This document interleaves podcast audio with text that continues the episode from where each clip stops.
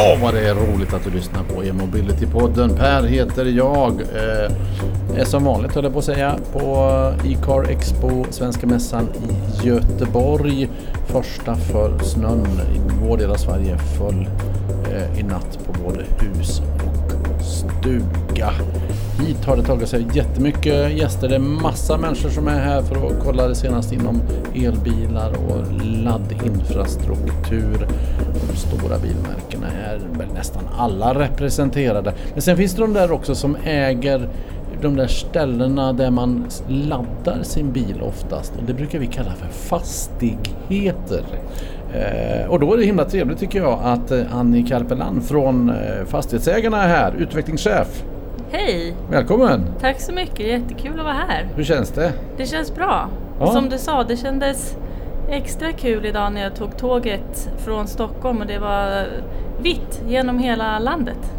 Det är... Och ljust, solen eh, sken. Den är god och solen har kommit till Göteborg har jag hört eh, också här första gången eh, Ja. på väldigt Ja. lång tid. Ja, och det det är bra för då kan man ladda sina solpaneler Ja. där så kommer det ner så kan man ladda kan bilen. ladda bilen. Gick tåget Precis. i tid? Kom du fram i Det tid? gick i tid, det gick klockrent i tid.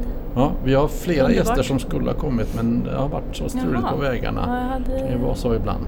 Ja, även det var en bra dag att åka tåg gissar jag. Ja, vad bra. Mm. Du, hur är det att vara utvecklingschef på Fastighetsägarna? Vad gör du på jobbet?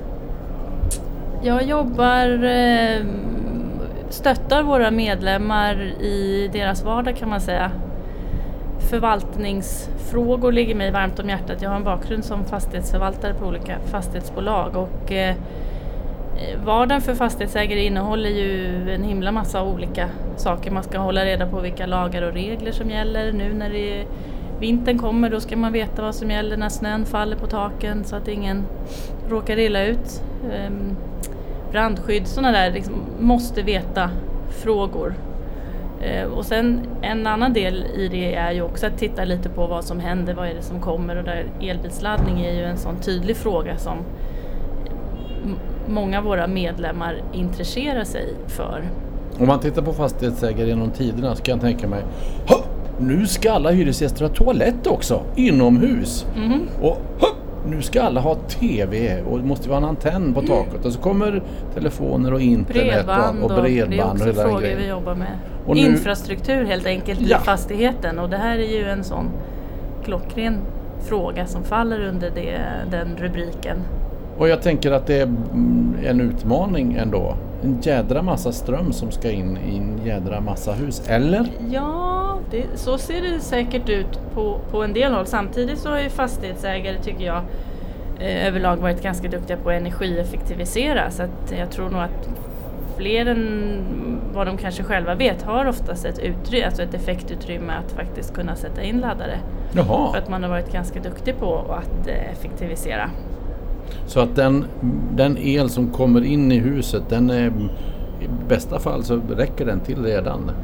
Ja, det skulle jag vilja säga. Man ska i alla fall ta reda på, man, man ska inte utgå ifrån att man inte har utrymmet. Det tror jag kanske många, många tror. Man pratar ju om effektbristen och liksom risker för att vi, att vi står inför det framåt. Och det ska man ju också såklart vara medveten om och vad det kan innebära. Men jag tror att man ska absolut ta reda på vilka möjligheter eh, man har att, att installera laddutrustning och möta upp det här behovet som, som eh, finns och som många fastighetsägare upplever att de får frågor och önskemål.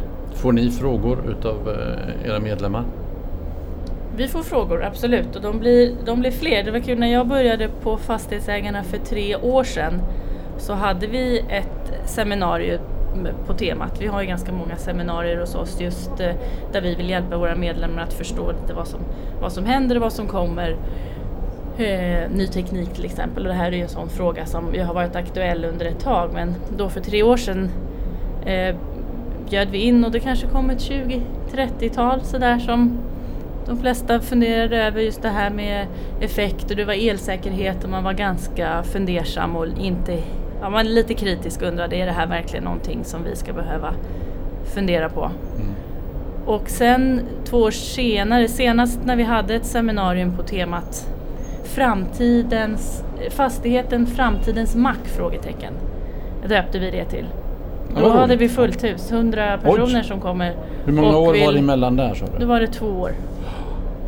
Så det, det är intressant att se hur, eh, hur fort det ändå går. Hur en fråga blir, blir så uppmärksammad och får mycket fokus hos våra medlemmar. Sen är det ju också en eh, säkert bidragande orsak att vi själva har eh, tryckt ut den här frågan och velat att våra medlemmar ska vara med på banan och förstå vad den här utvecklingen eh, innebär så att man inte står där som ett kanske som ett frågetecken eh, och undrar hur, hur ska jag göra det här när hyresgäster till exempel och boende men vad ska, vill man, kunna ladda sin bil. vad ska man tänka på då om man vill ge sina hyresgäster den möjligheten? Alltså jag tycker det, om, man, om man tittar på fastighetsägare överlag, säg att du är en, en fastighetsägare, du har en bostadsfastighet till exempel, det kan ju även gälla självklart kommersiella lokaler, det ser ju lite olika ut. Men om du är en fastighetsägare och har parkeringsplatser och kanske särskilt garage, då sitter du på en fantastisk tillgång. Och jag tror att för en del, man har ju på vissa håll så brottas man ju med vakanser. Vi har ju byggt ganska mycket parkeringsplatser eh, i garage över, över tiden och man har haft ganska höga parkeringstal och så vidare. Men har du den här tillgången så är det ju en fantastisk möjlighet för dig att faktiskt eh, skapa en affär i att erbjuda elbilsladdning. Så det är där någonstans vi vill börja. Har du den här tillgången, grattis! Ja, men se då om du har en möjlighet att eh, installera laddutrustning och har ett garage till exempel. Så el finns ju, alltså elen är ju framdragen och du har platserna. Mm. Ehm, I bästa fall så kanske du redan har fått förfrågningar från, vi säger att det är en bostadsfastighet och att det är boende Mm. som har uttryckt ett önskemål om att kunna ladda. De kanske har, är, har beställt en bil och vill kunna ladda den såklart när de står parkerade över natten. Eh, Så i bästa fall kanske du har en, en, en idé, en uppfattning om hur stort det här intresset är eller har du inte det så ställer du frågan. Frågar, är ni intresserade av att ladda elbil nu och hur ser det ut i framtiden? Och Det är stora investeringar. Inte jätte tycker jag. En, ja, nu, eh, vad kostar en laddbox? 5000 kanske? Kanske. Ja. Ja. Ja, ja, men så det är inte så mycket Ehm. mer än det. Sen ska du få elen in i den. Sen ska du få elen och du eh, ska ju sen också ha någon idé om hur du eh, ska debitera för den el som den som använder platsen eh, hur den ska betalas helt enkelt. Kan ni hjälpa till med det här?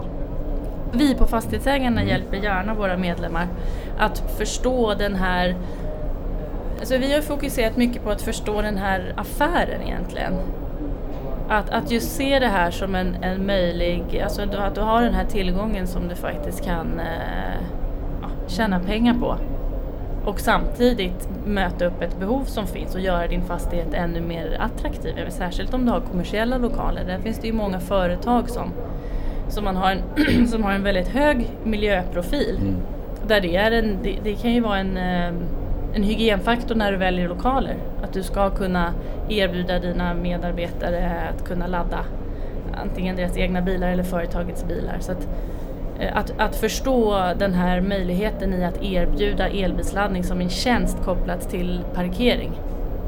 Jag antar att det finns någon, någon, någon siffra eller någon gräns där som ju skiljer sig från fastighetsägare till fastighetsägare men där man någonstans börjar känna att, att ja, men nu är efterfrågan så stor så att nu är det värt att ta det här steget. Ja. Eh, Och, och för mig som konsument då, jag bor i hyresgäster, både kommersiella eh, lokaler och, och privatbostäder.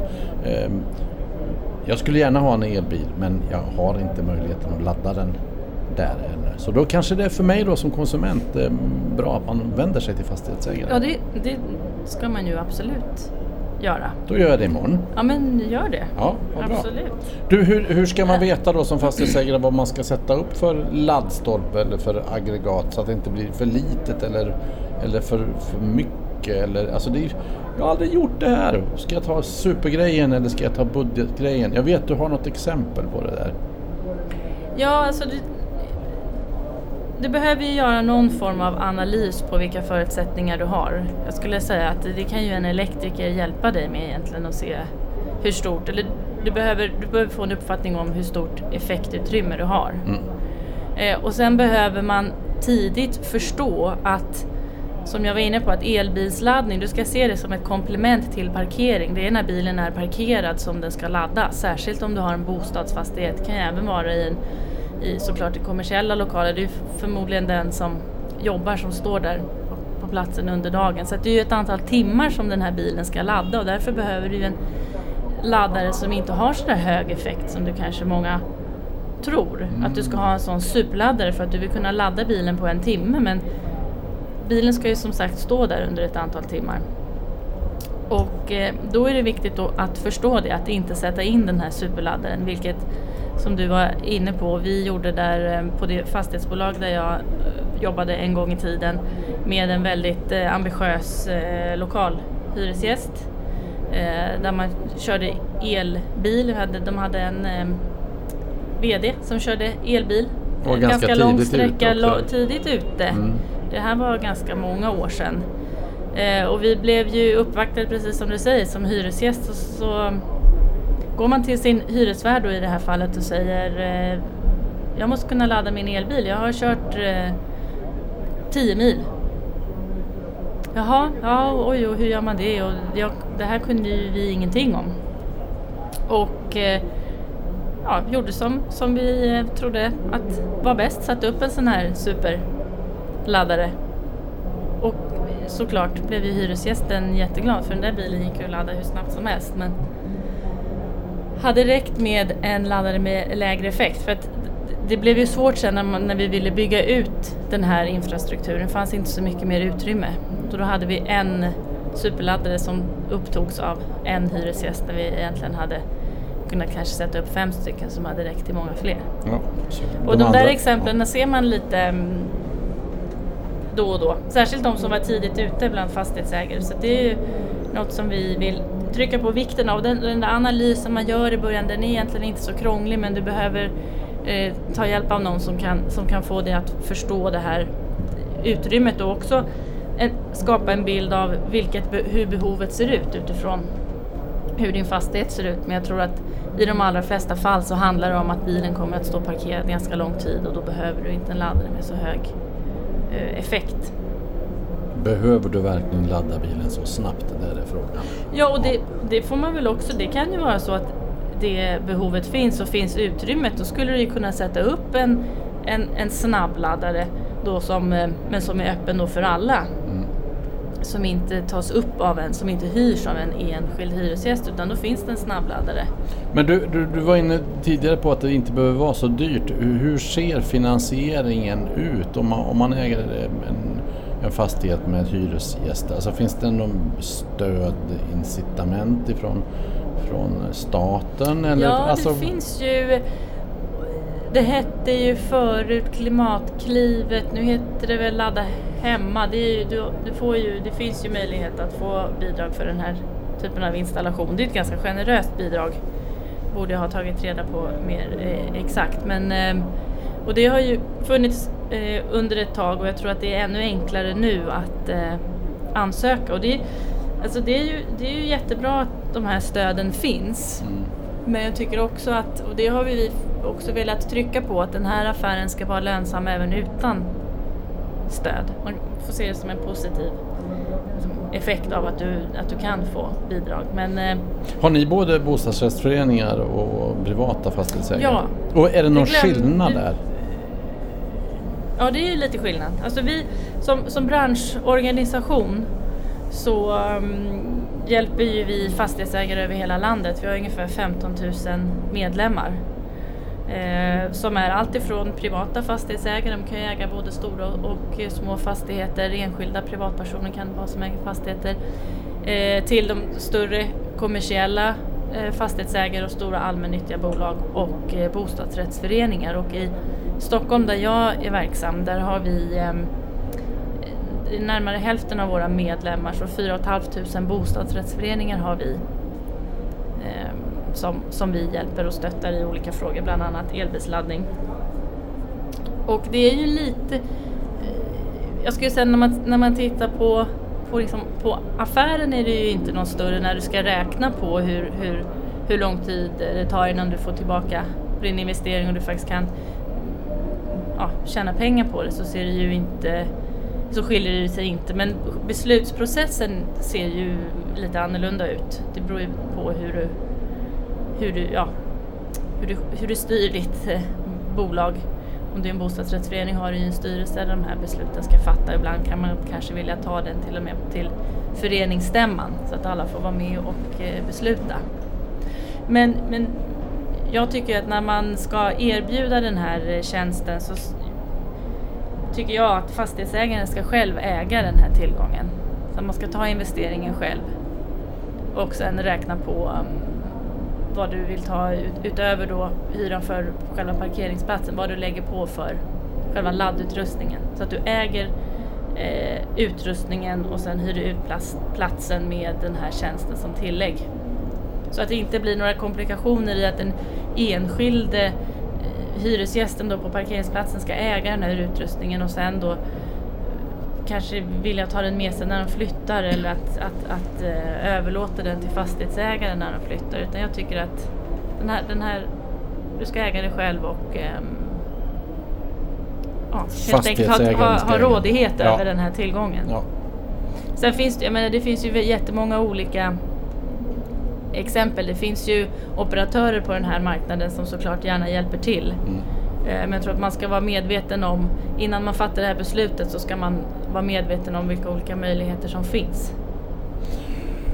Du eh, Annie, jag mm. tror att vi är ganska klara där. Uh, har du någonting mer som du tycker är viktigt att man uh, får reda på om man är fastighetsägare? Ja, det, man ser ju nu, det här är ju som sagt en, en, en fråga som är um, väldigt aktuell och viktig på, på många plan och man eh, har ju nu infört nya krav enligt det som kallas EUs energiprestanda-direktiv. Mm. Hittills finns det ju, än så länge finns det ju inga bestämmelser. Du kan ju, du kan ju säga nej om, det, om någon vill ladda sin elbil kan du säga ja men det, det tänker inte jag, jag kommer inte uppfylla ditt önskemål för jag vill inte. Men eh, det kommer nya krav eh, som säger att eh, flerbostadshus som har över 10 parkeringsplatser ska ha kanalisation till varje parkeringsplats i, vid nyproduktion eller större renoveringar. Vilket innebär att det, uppför du en ny flerbostadsfastighet där det ska finnas fler än 10 parkeringsplatser då måste möjlighet finnas att eh, sätta upp eh, laddutrustning till varje plats. Så att kanalisationen ska vara färdig, det ska liksom finnas utrymme för att och det här, platserna är, är ska... Det, det här ska gälla eh, mars 2020.